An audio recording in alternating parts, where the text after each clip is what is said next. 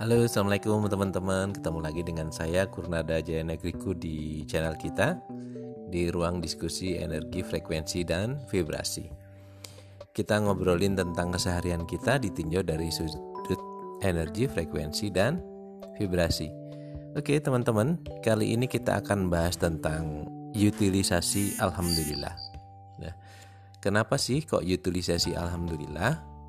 Karena biasanya kita mengucapkan Alhamdulillah kan kalau kita sedang menerima sesuatu misalnya kan ya atau kita lagi happy begitu kan alhamdulillah. Nah kebiasaan saya kalau mendapatkan sesuatu yang baik atau mengabarkan sesuatu yang baik adalah dengan mengucap alhamdulillah segala puji bagi Allah.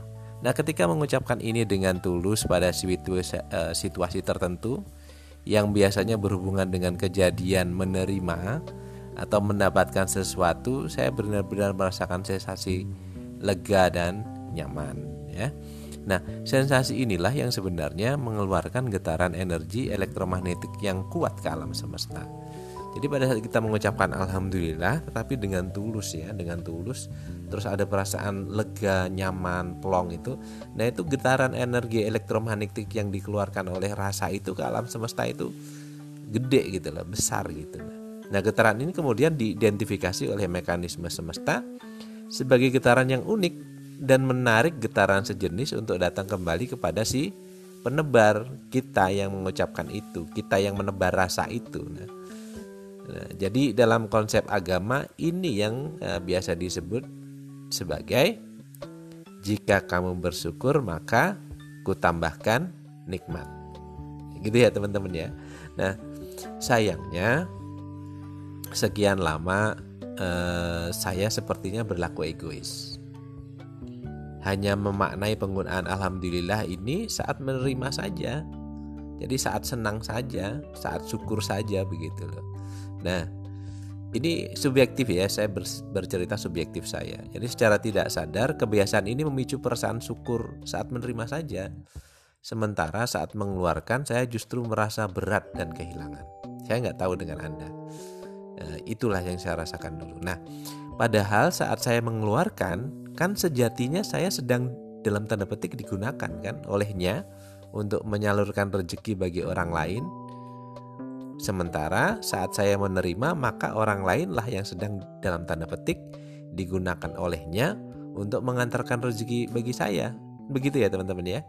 Nah, Tentu saja rasa kehilangan dan kurang saat sedang digunakan, saat dalam tanda petik digunakan olehnya itu tadi kontraproduktif dengan informasi dari Tuhan bahwa jika kamu bersyukur maka akan kutambahkan nikmat.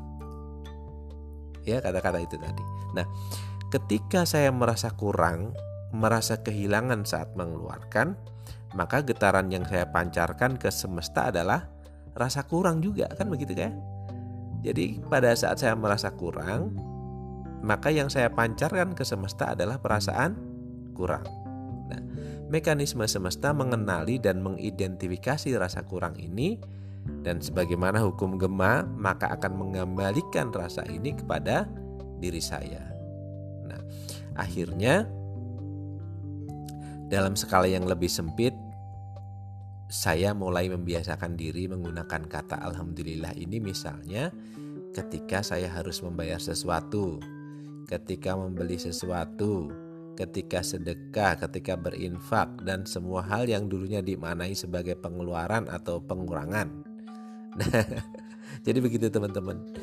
Dan e, ketika saya mengucapkan alhamdulillah pasca saya membayar sesuatu, maka makna yang diikatnya adalah bahwa saya bersyukur dalam tanda petik sedang digunakan olehnya untuk menyalurkan rezeki. Ya, awalnya tentu saja canggung dan canggung, ada perasaan tidak nyaman karena sudah sekian lama makna alhamdulillah hanya mengikat pada rasa penerimaan saja. Ya wajar kan teman-teman seperti itu ya.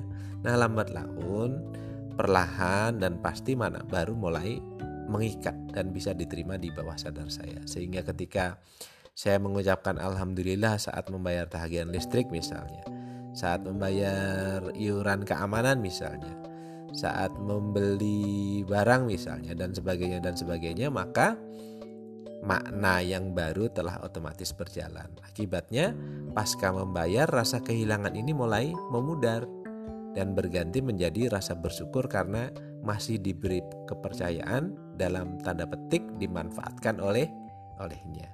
Nah, tentu Anda masih ingat kan apa yang terjadi kalau kita dominan di rasa syukur? Iya benar sekali. Kalau kamu bersyukur maka akan kutambahkan nikmat. Bagi saya pribadi, perasaan subjektif mengutilisasi ucapan alhamdulillah dalam konteks di luar kebiasaan ini sangat membahagiakan saya. Ini perasaan subjektif saya ya. Saya tidak tahu dengan Anda. Nanti bagaimana?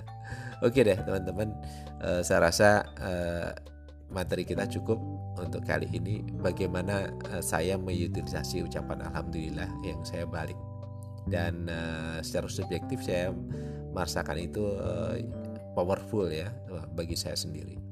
Mudah-mudahan materi ini bermanfaat buat teman-teman semua, buat Anda semua dan mudah-mudahan nanti kita ketemu lagi di materi-materi berikutnya yang jauh lebih menarik. Terima kasih. Assalamualaikum warahmatullahi wabarakatuh.